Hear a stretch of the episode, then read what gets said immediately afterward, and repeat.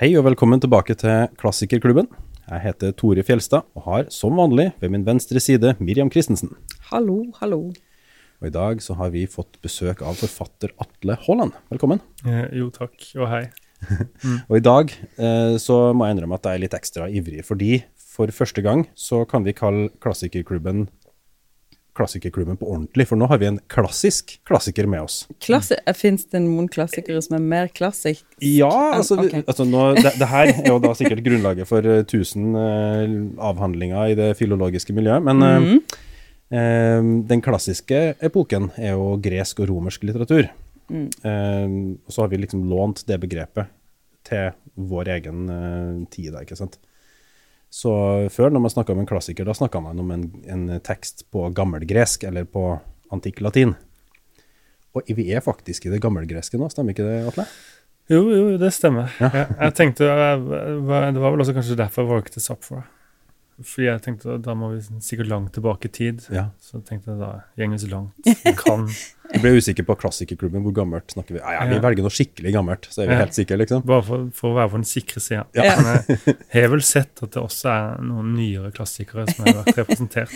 Ja, ikke sant? Ja. Det der begrepet er jo litt sånn i utvidelse for tida. Så. Mm. Mm. Men jeg lurte på om um, du- Altså, vi skal snakke om Saffo, Mm. um, og det tror jeg er et navn som mange har hørt. Ja. Men jeg tror ikke det er så mange som har lest. Så jeg lurer på om du kanskje kunne ha begynt med å rett og slett lese Da, fra hennes eh, litteratur.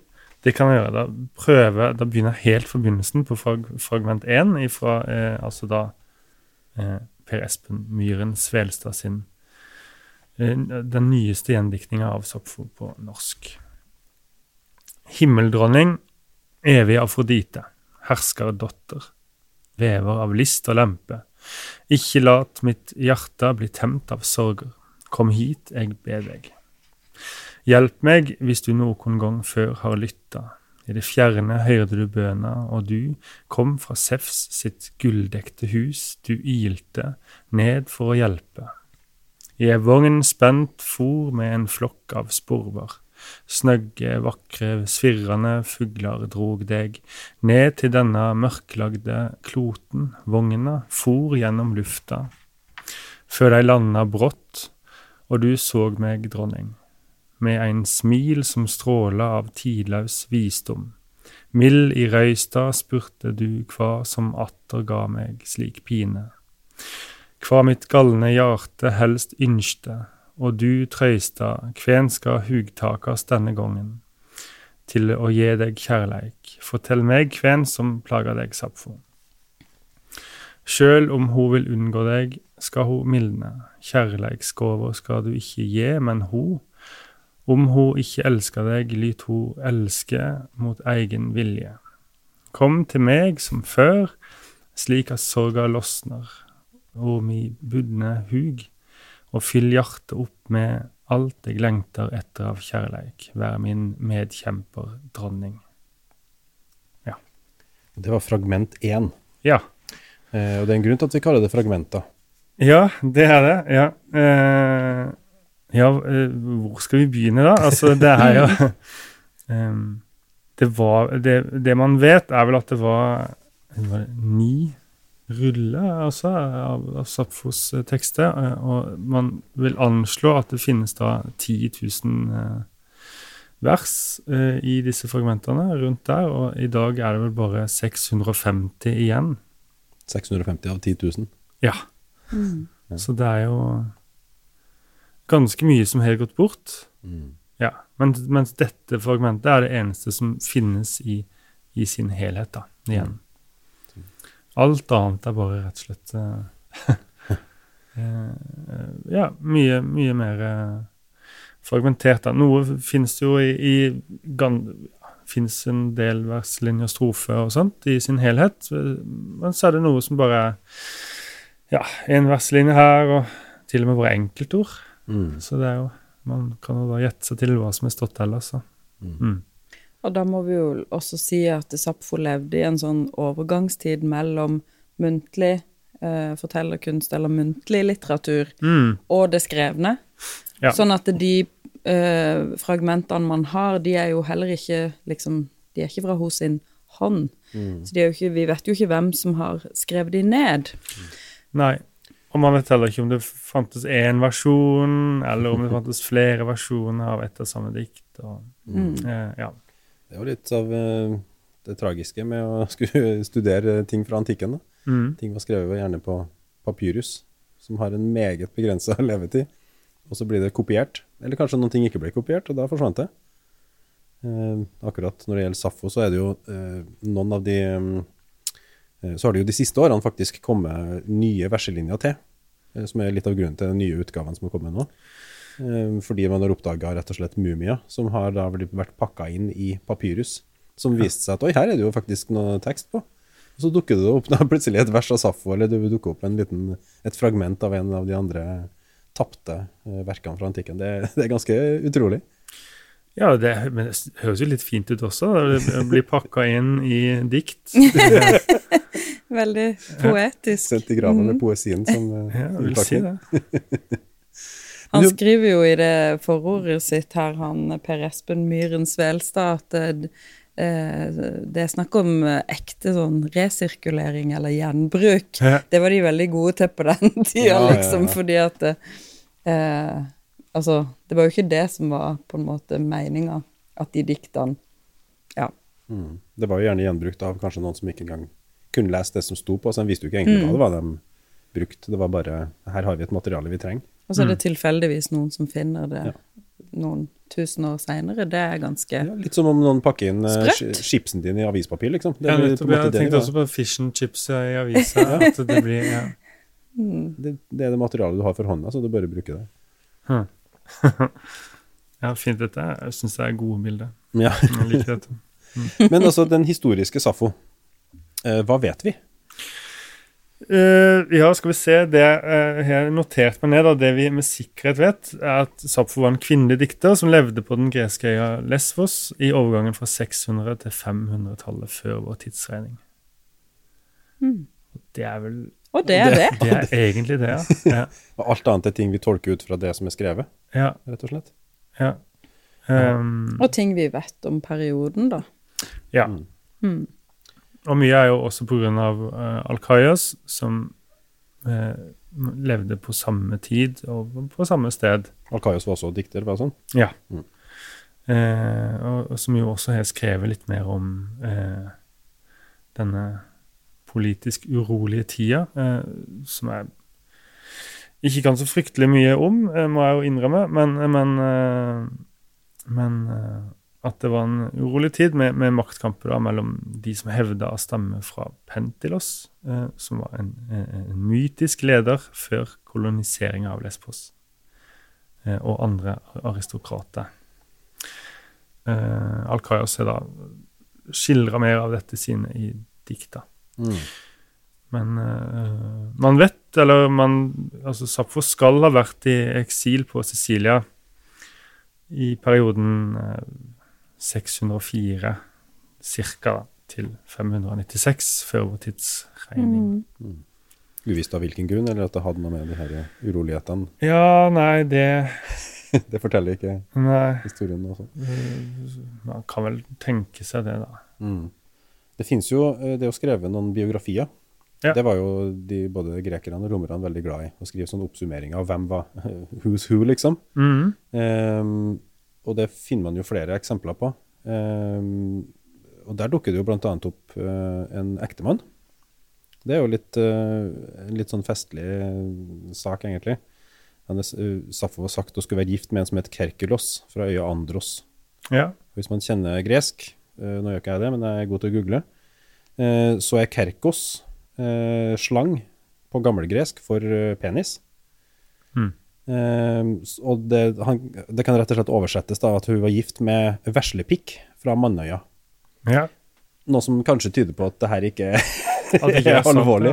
At det er en, slags vits, eller ja. Ja, for altså, det er jo en ting som gjerne har eh, blitt belyst på forskjellige måter opp gjennom århundrene. Det er jo det her eh, åpenbart, altså Hun kommer fra øya Lesbos, og hva forbinder vi det ordet med? Ja, I dag forbinder vi det kanskje med flyktninger og sånn, da.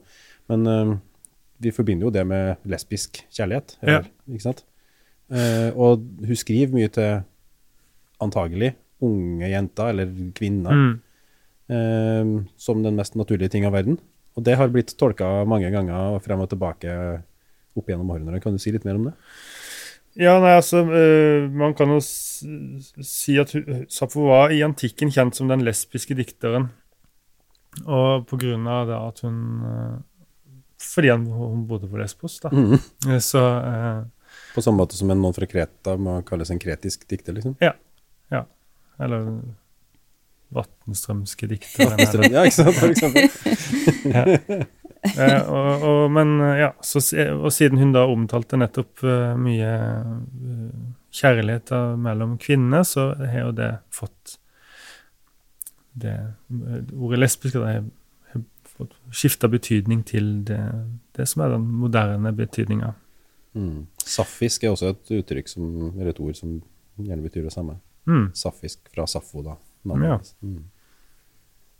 nettopp. Men jeg tenker jo at eh, det at den biografien da kanskje er med litt sånn skjemt i, eller hva en skal si. Mm, Eh, altså det at en vet så lite om Sapfo, er jo kanskje også noe av det som gjør at Ok, eh, det er den store dikteren og sånn, men det er jo også så mye mystisk ved eh, noen man vet så lite om. Mm.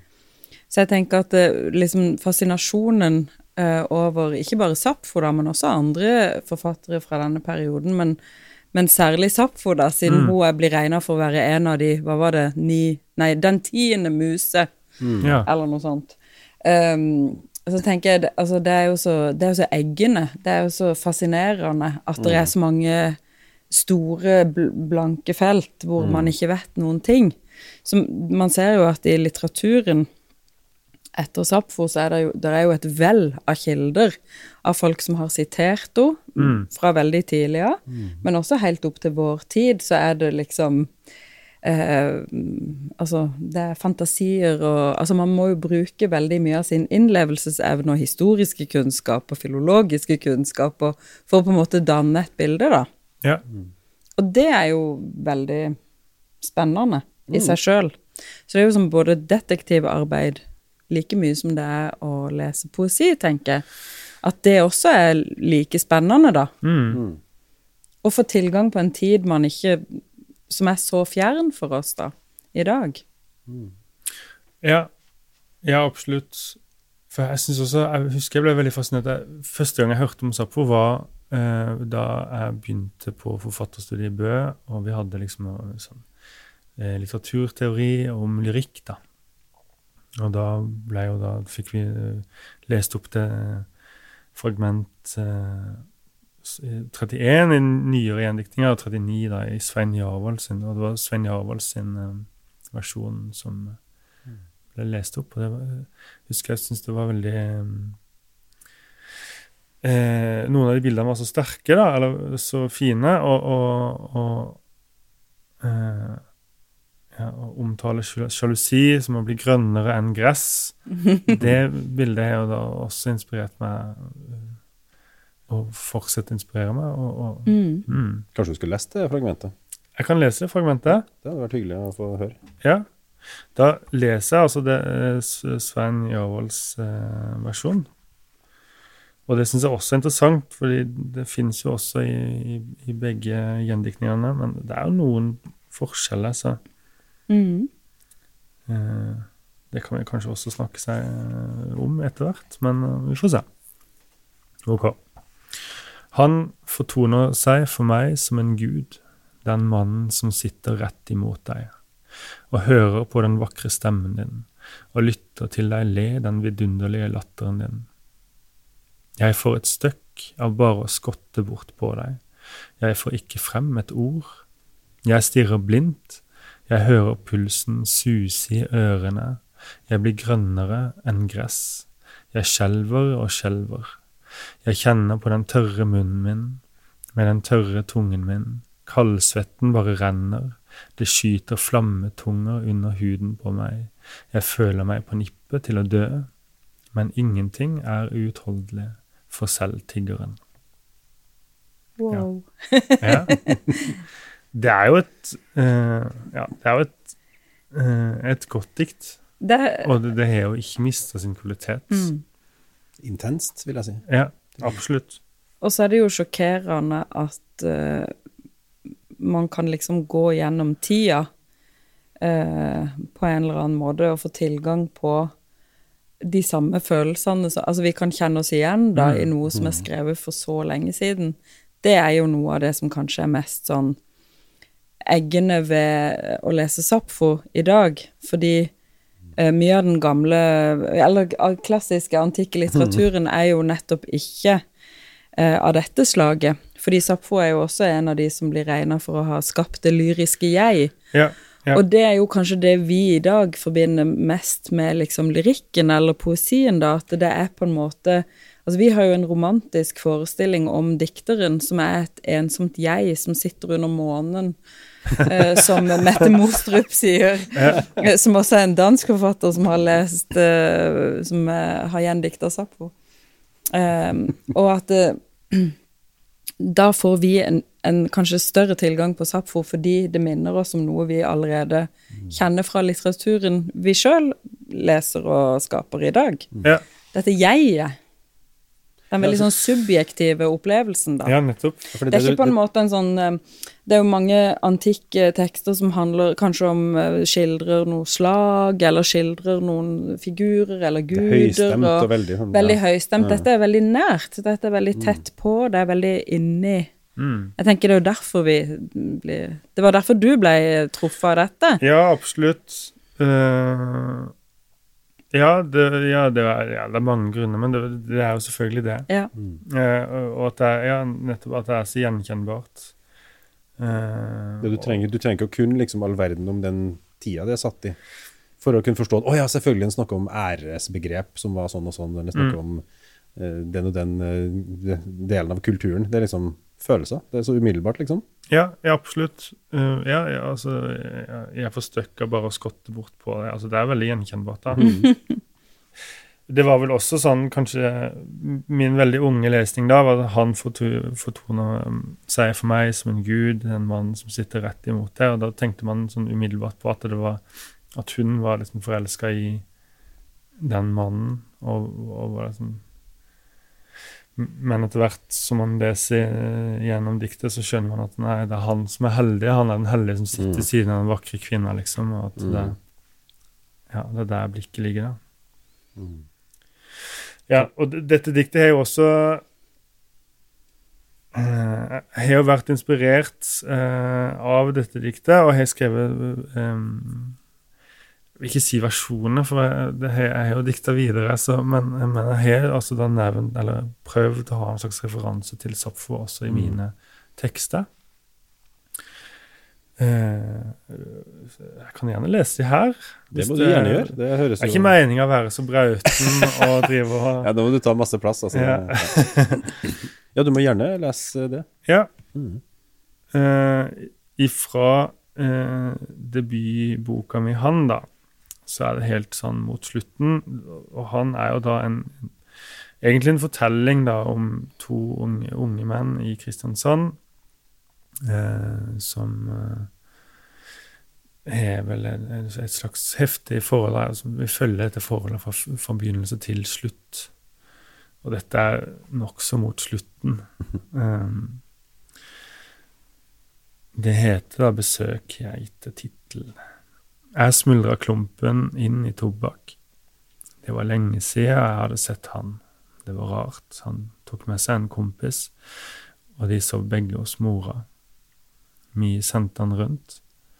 Før det begynte å funke, satt jeg i ei stue med fremmede, våkna i en by som gress. Ja. Og da er det vel denne grønnere enn gress da, som er er Ja. Du har rett og slett lånt det fra Fra Sapfo. Og så 2000 år tidligere. stilen, Ja. Ja. kanskje. At man blir jo Jeg tenker det, det er interessant å bli inspirert av uh, fragmenter. Eller av en fragmentarisk Altså, vi, vi, vi har bare disse fragmentene, og så kan man liksom skape en slags poesi ut av det også. Det er jo sånn når man leser noen av de um, fragmentene hvor det bare er noen ord som står igjen, Mm. så, så kjenner du jo liksom poesiens kraft i det at man, når man leser poesi, så fyller man alltid ut så mye. Mm. med sitt eget sinn, da. Og det tenker jeg er også veldig eh, eh, inspirerende for en ung forfatter, da.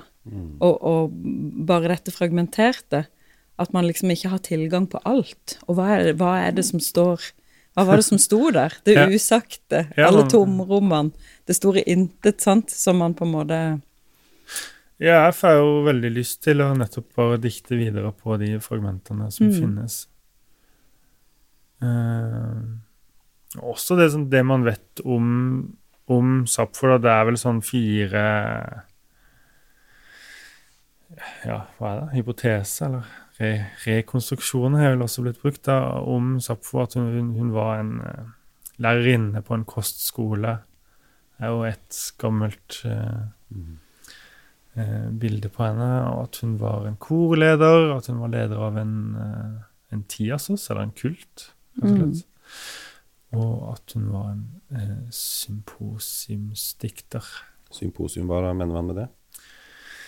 Eh, det er vel mer eh, Ja, hva mener man med det? Det er vel kanskje s- selskap, eller at uh, En partydikter? Ja, noe sånt. Man, det fins jo også Det er jo en del av Sappos dikt som er bryllupssanger, da. Mm. Så det er jo akkurat Det er vel det, er vel det at hun var en symposiumsdikter, og at hun var um, en korleder. Det er vel liksom det som er mest rot til tekstene hennes, da. Mm. Som er det mest sannsynlige i dag. Det at hun var en, en lærer for en kostskole, det er jo Det er blitt avvist, da. Det var, viser seg vel å være um, noe som er kommet ut fra et sånn 1800-tallssyn, eh, viktoriansk syn da, på at ja, man hadde behov for å dekke for at, at hun var lesbisk. Da, eller at hun også Det er vel et eh, syn som eh, var utbredt i viktoriatida, at eh, Ja. Man måtte gjennom Unge jenter måtte ofte gjennom en, en eh, lesbisk fase Ja. før han kunne liksom komme seg til den ekte ja, den ekte kjærligheten som var, liksom, eh, som var ekteskapet og barn, så mange som mulig osv. Mm. Mm. Men det passer jo til den tida, ikke sant. Ja, så alle tider har hatt sine versjoner, da. Ja, det står jo faktisk i, i det her, um, den her kanonutgaven eh, av Safo, Altså rett og slett at eh, Skal vi se hvis jeg finner den, da. Hver epoke skaper sin egen Sapfo. Mm.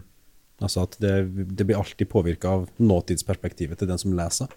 Er ikke det litt av poenget med hele Klassikerklubben, Miriam? At vi, at vi, vi skal se på verker som på en måte kan ha nye betydninger, kan tolkes på ulike måter og kan være forskjellige ting i forskjellige tider. Det er jo, det er jo skapt for oss, det her. Det er vel derfor folk leser klassikere også. Ja.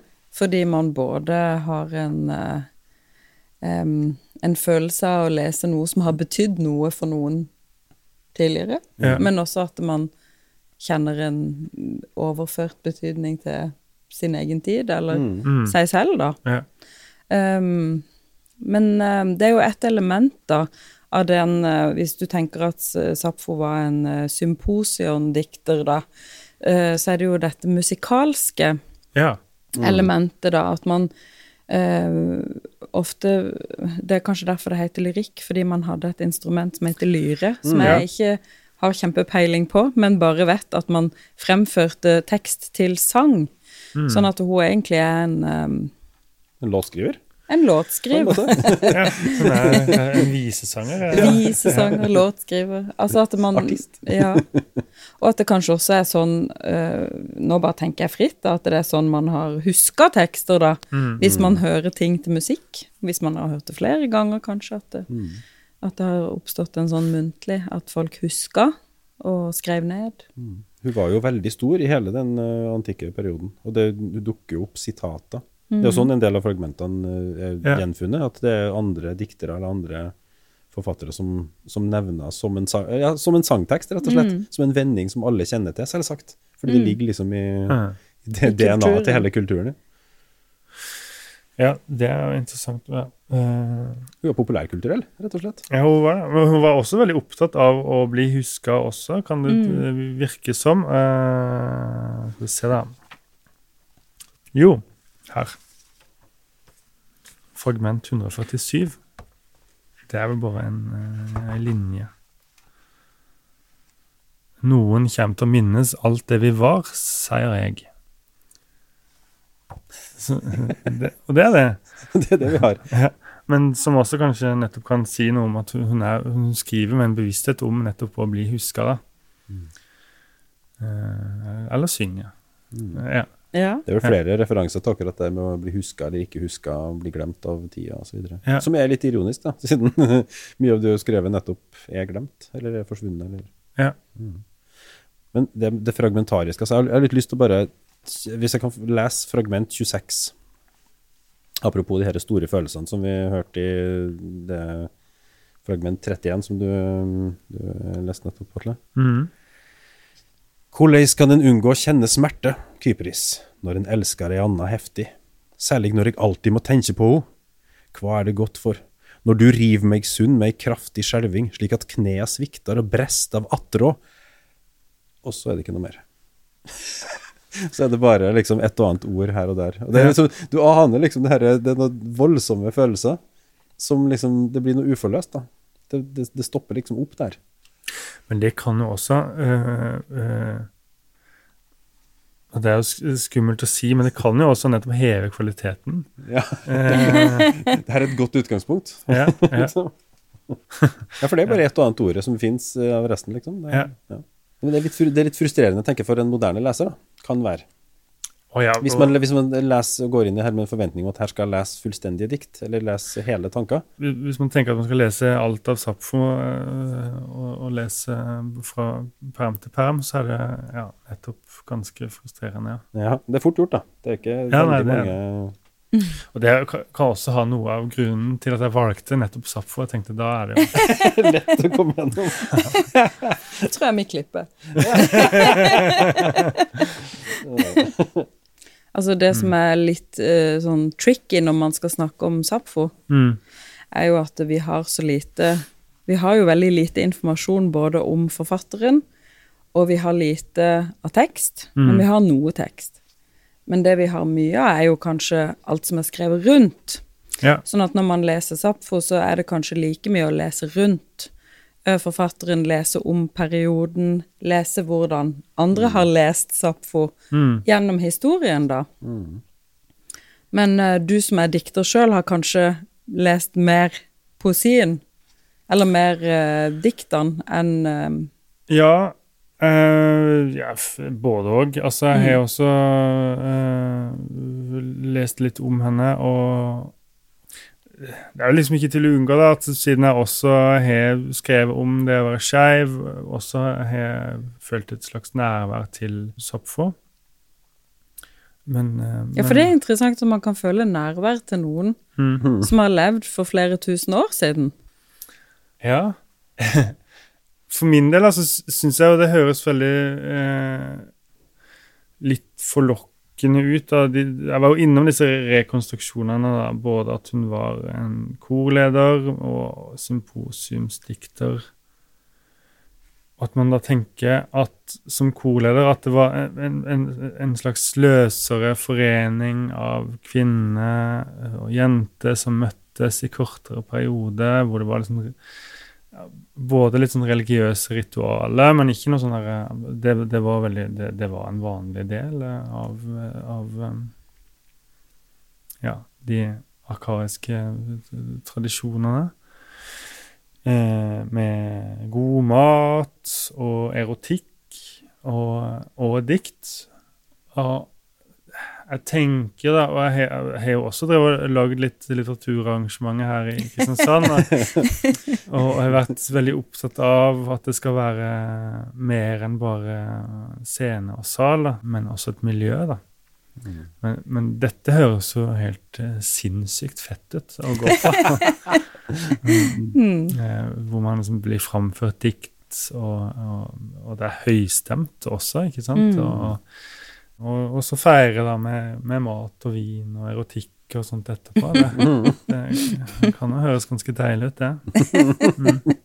En feiring av livet, liksom. Ja. Men eh, altså, Sapfo er jo kjent for å være den store liksom, eh, kjærlighetsdikteren. Altså fordi at det er noen um, Hva heter det? Verselinjer eller strofer, kanskje. Er Mm. ikke så god på nøyaktig språk i lyrikken, Mm. men eh, som, som sier ting veldig sånn tydelig, da. Sånn som for eksempel i den uh, Sapfo-gjendiktninga som uh, Svein Jarvold har gjort på begynnelsen av 2000-tallet, så er det et sånt sitat ut på boka 'Jeg skalv av forelskelse'.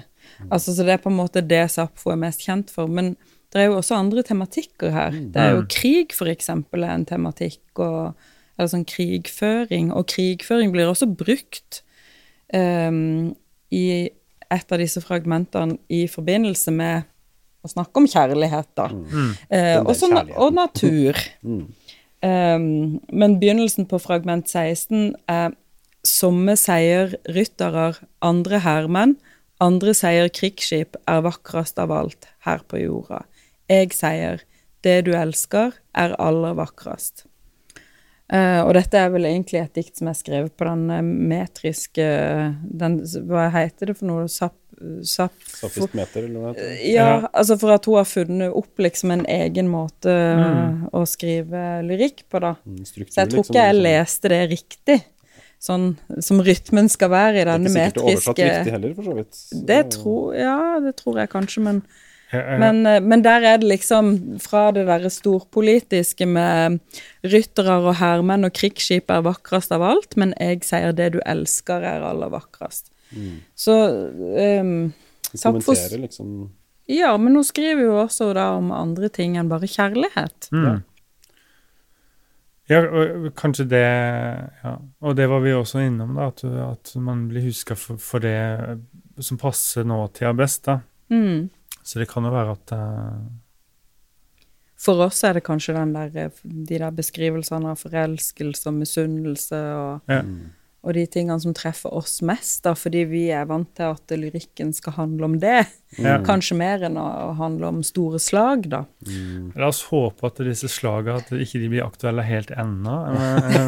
Du skriver ikke nok om store slag. Du må rett og slett Nei, vi vi vil ikke dit, tror jeg. Nei. Men så er det også naturskildringer. Ja, natur, siden du sa det. Det var jo eh, For det er et fragment der, fragment 96, og det er jo for så vidt Det har jo litt med kjærlighet å gjøre her òg, da, men eh, det er liksom tungsinne. Og nå leser jeg ikke alle de eh, der hvor linjene hvor det bare finnes et ord her og der, men de delene vi har i sin helhet, da. Mm. Mellom de vakre kvinner i Lydia er hun vakrest, som når en svart himmel glitrer av månefingrer i rødt. Enda mer klår enn alle de stjerner. Klårt breier ljoset seg over hav, nett slik åkrene pynter seg med blomster. Doggen er helt utover ei morgenstund, roser faller seg ut ved mild kjørvel, side om side med frisk kløver. Ofte med lengsel vandrer hun rundt og minnes den spedbygde Attis sårt, medan hjertet blir tært av sorgfullt tungsinn. Det er jo veldig vakkert. Ja, det er veldig fint. Det er liksom luktene og smakene og morgenduggen. Altså det Ja. Det er klare bilder. Er, man fær Ja. Jeg ble litt sånn fordi eh, Jeg tror jeg ble litt oppgitt, kanskje. Eller eh, Og det kanskje også litt fordi jeg prøver nå å skildre naturen litt mer selv også. Bru, bruke naturen i dikta og komme over mm, Når jeg leste meg opp til denne podden igjen, da eh, Kom eh, fram til eh, jeg har vært så veldig opptatt av Ospa, da. Ospa rister jo uh, i vinden. og- ja. Ja. Og så kom jeg, fant jeg dette. Dette er Svein Jarvolds uh, gjendiktning. Eh, jeg skalv av forelskelse slik ei eik skjelver i fallvinden fra fjellet. Eh, og det er det, men, men det er også Ja, Mm. jeg syns det var veldig fint. Og, Mm. og også skummelt likt, da, så man er jo litt eh, Ikke sant, Her snakker man om Sapfo fornya lyrikken og fant opp eh, både sitt versemål og sin metrikk, og, og dette jeget, og Ja, hun gikk vel også ifra eh, å framføre Hva heter det? Monodie? Altså at fra at et helt kor skulle framføre diktet, Mm. at det var bare én person med en lyre. Eh, mer personlig med en gang, liksom. Mye mer, og ja, og, og få også inn et, et jeg. og Man vet jo ikke helt om det var selvopplevd, selv om hun av og til skriver inn sitt eget navn i diktet, Mm. så vil man jo gå ut ifra det, og også pga. den tida vi lever i nå, ikke sant, så er det, vil- man jo tro at det er hennes opplevelse og sånne ting, men, men uh, lyrikk var jo også i den tid kjent for å være oppdiktning, mens eh, ja, det som fantes av diktning før, var jo eh, eh, Odyssé, altså disse Mm. eh, De store eposene. eposene. Ja. Mm. Og de skulle jo være eh, fakta. Mm. Eh, og i dag så tenker jeg jo nesten at det, det er motsatt. At, Mm. at det er eposene som er den frie diktninga, og lyrikken som er eh, ja, det selvopplevde, da. Mm. Mer ekte, fordi at det kommer Ja. fra enkeltpersonen, på en måte. ja. Men det jeg lurer litt på, det er egentlig altså, de bildene som Safo bruker. Mm. Eh, altså Nå snakker vi om en dikter som er blitt sitert, og eh, så, sånn som du, du har latt deg inspirere. altså det, du, du er ikke den første, du er ikke Nei. den siste. Altså, Kan det noen gang gå tomt? på en måte Er det sånn at de, nå, har, nå har vi brukt de bildene her så mange ganger at nå er, det, nå er de oppbrukt, liksom? Nå er det bare klisjeer igjen? Ja, men er ikke det som er litt målet, da? At det, at det skal bli gå tomt, og så skal noen komme og fornye uh, dikterkunsten uh, helt? Man har, jo, man har jo prøvd seg på det. Det har jo vært mange litterære epoker siden Sapfo. -hmm. Men nå sitter vi jo her igjen, da. Ja. Sitter her og snakker om Ja. for det. Så uh, Men fins det noe som er fra Sapfo som på en måte er så innarbeida i vår eh, litteratur, da, at ikke vi tenker på at det kommer fra henne, eller at det er en eh, Er det dette jeget, da, kanskje, som er det mest sånn det er åpenbare? det er det jeg også Arven. lurer på, ja. Mm. om, om det er det. Og jeg spurte også han Per Espen Myhren Svelstad. Eh, fordi det er jo veldig høystemt, noen av disse diktene. Og det første fragmentet som jeg også leste, det, hvor man roper til Gud nærmest, da.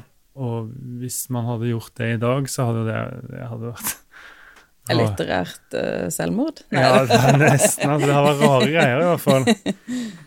Så jeg, jeg var litt sånn uh, Hvor religiøse var de på den tida? Var de uh, Altså, hadde jeg skrevet til Gud på den måten, så hadde jeg vært det Jeg, jeg omtalte som hypokristen da, på, mm.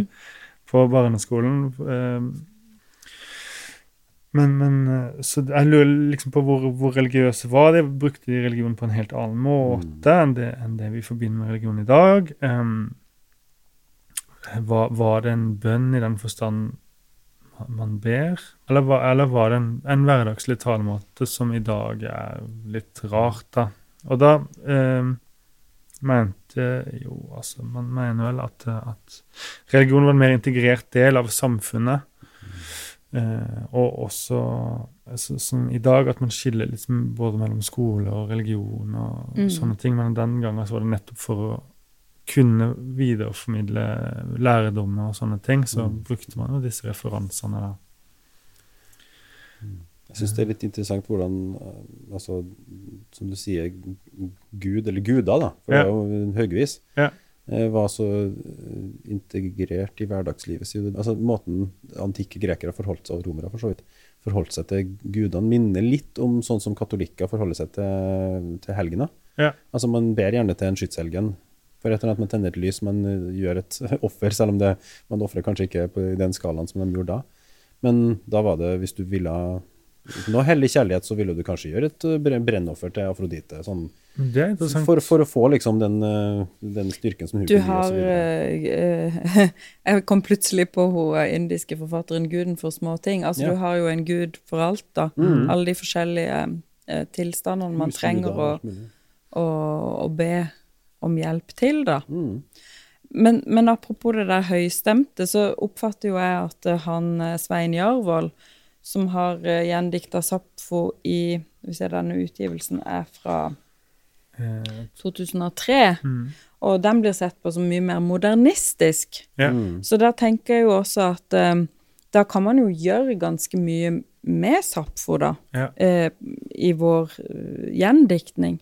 At man kan legge vekt på enten det da er høystemt, eller liksom religiøse aspekt, eller det lyriske aspektet, eller som han da, en mer modernistisk vri på gjendiktninga. Og det vil jo da gi ulike kanskje opplevelser av, eh, av teksten. Ja, vi må jo det, for det, jo- det finnes jo nesten ingen som kan lese gammelgresk. Så det må jo oversettes for at det skal være Mm. tilgjengelig. liksom. For å lære gammelgresk, det, det tar litt tid. Mm. Ja, eh, ja men det, men det syns jeg også det, og er interessant og, og må nevnes her. Da, det er jo nettopp disse to gjendiktningene som vi driver og refererer til hele tida. Altså Mm. Per Espen Myhren Svelstad, som jo er litteraturforsker, og, og, eh, og Sven Javold, som også er forfatter. Og, og hvordan det preger de gjendiktningene. Eh, nå vet jeg at Per Espen i en podkast eh, om Sapfo som er lagt ut på NRK, nevner Sven Javold sin eh, dikts, uh, gjendiktning da, som uh, at, han har tatt seg noen mer friheter. Da. Men, men det er jo Men når man sammenligner disse, så er det jo allikevel ganske likt, da. Mm. Og så er det bokmål og nynorsk, må vi Ja, jo det si. da. Ja, ja, og det vil jo kanskje også gi oss som norske lesere litt forskjellige uttrykk, Ja, alt ettersom vi er bokmål- eller nynorskbrukere sjøl, da. ja. Og så har vel Jarvold gått bort fra det det her kravene til at det skal være på sånn og sånn rytme og versemål. Det har Det han en helt Myhren Svelstad holder seg litt mer strikt til den, Mm. eh, den Mm. forma. da. Um. Så da vil du jo på en måte ha en gjendiktning som kanskje fokuserer mer på innholdet, da. Ja. mm. Uh, at Jarvold han forsøker å liksom transportere uh, de følelsene over til vår tid, kanskje mer i en mer sånn fri dikterform. Ja. Mens um, han uh, Myhren Svelstad er mer Han er liksom veldig faglig korrekt da innenfor eh, å gjendikte. Virker mer opptatt Ja, ja. ja. Og så har jo han også fått med seg de nyeste fragmentene, for de er jo Mm. da funnet i det siste i 2014, sant? Ja. Mm. Og det er jo skremmende nært oss i tid, så det Ja, betyr jo at det, det fremdeles kanskje kan dukke opp ting, ikke sant? det. At det Nå kan komme de jo- nye Nå driver de jo og prøver å altså, Vi kjenner jo til um, Pompeii. Mm. Og Herkulanium ble jo begravd av et vulkanutbrudd. Og der eh, fant de jo i, um, i Herkulanium da, en hel villa fylt av papyrusruller. Eh, noen av dem er jo bare kull og ble jo kasta, noen av de fordi det så ut som brente sånne trestokker, liksom. Og noen er bare litt svidd, og noen i forskjellige grader. Men nå har altså forskere begynt å se at de kan skanne, altså 3D-skanne gjennom, og klare å skille ut Fordi blekket var blybasert. Så kan du se hva som er karbon og hva som er bly, og så kan du begynne å deskifrere uten å være nødt til å pakke ut, og kun med å fotografere gjennom. Så og, altså, det er snakk om flere tusen ruller med papyrus som Mm. potensielt kan inneholde hva som helst. Mm. der er det, det er en sånn besnærende tanke for at å, kanskje, kanskje dukker det opp et, kanskje et fragment som blir plutselig ikke et fragment lenger, men et helt dikt. Mm. Hvem vet? Det er litt spennende. Ja, det er helt uh, Det er jo kjempespennende. At Skulle bli fremdeles altså. Det her er, det kribler hele meg. Jo, men altså med all ny teknologi som finnes, da, at man kan gå Mm. dypere inn i eh, gamle gjenstander Ja, på det den som man antok at ja, Det er det her er jo- ikke mulig å lese lenger, selvfølgelig, Mm. men her er nå den kullbiten, og så plutselig så kan man kanskje det likevel. Ja. Det er helt sykt. Ja, da dukker det sikkert opp et nytt Sapfo-dikt her også. Det er lov å håpe. Hun var Ja. jo overalt i antikken, så kan kan, Ja. hun var jo popstjerne, tydeligvis. Hmm. Jeg har lyst til å sitere en eh, dame som heter Margaret Reynolds, som skrev og det her er jo sitert da i introen til den nynorske utgaven av uh, Sappho sine fragmenter. Sappho is not a name, much less a person. It is rather a space, a space for filling in the gaps, joining up the dots, making something out of nothing. Så det er rett og slett det, det hun sier, sånn som jeg forstår det, da. Så er det at ja, det er masse fragment, og de er knapp, og de mangler, men det er opp til oss på en måte å Mm. fylle inn det som mangler, og la, la versene være liksom startpunkter, som du også refererte til. At, Mm. at det, det, kan, det kan starte noe, starte noen prosesser i hodet du kan bygge videre på. dikt videre. Omtrent som stiloppgaven vi fikk på skolen. Sånn, her er første, første setning i en, i en stiloppgave. Skriv resten. Ja, det ja, det er jo litt sånn, ja. Tenk det, at lærerne også var inspirert av Sappo. Det. De bare visste ikke om det. Ja. Mm. Men jeg lurte på litt sånn eh, til slutt, altså hvorfor um, Hvorfor skal folk lese Sapfo i dag? Altså hva er det vi får ut av å lese Nå har vi jo snakka mye om det kanskje allerede, men hvis Mm. du skulle si sånn Det er mange forfattere kanskje som er interessert i litteraturhistorie og interessert i hvordan skrive lyrikk, da, som studerer Sapfo, men den allmenne leser, da? Hva er det som er mest interessant ved å lese Sapfo?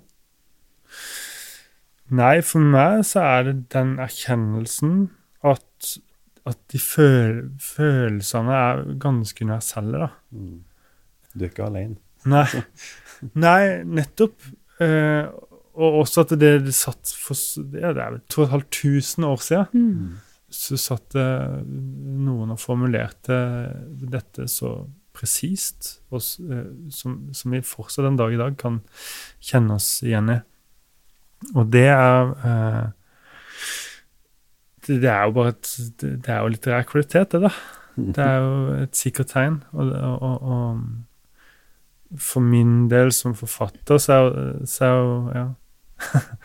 det er noe av det man drømmer om, ikke sant? Um, men for uh, alle andre også, så tror jeg liksom Ja, nettopp. Man, man føler seg ikke Man føler seg mindre aleine ved å lese Sapfo. Hvis man kan kjenne seg igjen i, i dette Jeg som levde i en verden vi kan veldig lite om, men det vet, er også at det var ganske annerledes eh, nåtida her i Kristiansand, eller hvor enn man sitter og hører. Men kan kjenne seg igjen i det, da, da er det jo uh, et lite håp da, for at uh, vi, vi kan forstå hverandre. Mm. At, det, at det er noe som er felles for oss alle, på et vis. da. Så ja, det, det er svulstig sagt. Derfor skal man lese Salazar. Ja, absolutt. Mm. Eh, og så er det jo også den, dette, syns jeg, da, det liksom spennende ved da, at det kan dukke opp nye fragmenter fremdeles. Og at det er en sånn historie som fremdeles blir skrevet, da, selv om vi Mm. lever et halvt tusen år seinere. Og at det nettopp det her eh, fill out the gaps, da, Mm. eh, som du refererte til, Tore, at det, er- det er også en del av den litt sånn uh, spennende leseropplevelsen, da. At det er noe der som er veldig sånn fantastisk å lese, som taler til oss gjennom den tida. Og så er det også at vi på en måte må være veldig årvåkne da når vi leser. Mm. Um, og at det, man blir sånn interessert i kunnskap, da, Mm. om den tida. Og får lyst til å fill out the gaps der også, da. Mm. Det syns jeg er fascinerende. Du hadde lyst til å lese noen ting fra fragment 58, stemmer ikke det? Vi kan ta sånn avslutningsvis. eh, Det kan jeg gjøre. Eh, 58B, da. Ungfolk, de litt strever etter alle vakre songergåver. Lillakledde muser gjevdik, lyrespelets klåre klanger.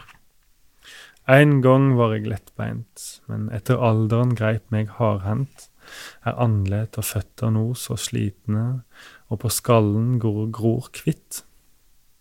I hugen er alt tyngre, og knea ber meg ikke lenger. De som før var snøgge til å danse liksom dådyrkalver. Alltid skal jeg klage over dette, men hva kan jeg gjøre? Mennesker lyt eldes når de lever. Ellers går det gale. Derfor sier alle at Titonas var så usæl den gang. Rosearma Eos bar han med seg. Hun var full av kjærleik, medan han var vakker og en ung gutt. Men da alderdommen lang tid etter tok han, var den udøyende framleis fager. Mm. Alderdommen kommer til å ta oss, men uh, Sappho sin poesi, den kommer alltid til å være fager. Kan vi si det sånn? Ja, det, sånn kan vi si det. Ja. Og så må vi jo anbefale alle som vil lese Sappho, da, og kanskje både lese Svein Jarvold sin gjendiktning og Per Espen Myhren Velstad, for de utfyller hverandre ganske fint. Også fordi Svein Jarvold sin bok eh, inneholder et, en lang innledning som er veldig personlig. Ja, Og kjempegøy å lese. ja. ja. Så man får liksom med de to da, så utfyller det, det norske bildet av Sappho seg ganske godt. Mm. Da lar vi det stå som oppfordringa til deg, kjære lytter. Les Sappho i den ene eller andre, eller helst begge utgaver. Og bare si tusen takk, Atle, for at du ville komme hit til studio og dele Saffe med oss. Bare hyggelig, og tusen takk for at jeg fikk komme. Ja. Takk. Og takk for at du hørte på.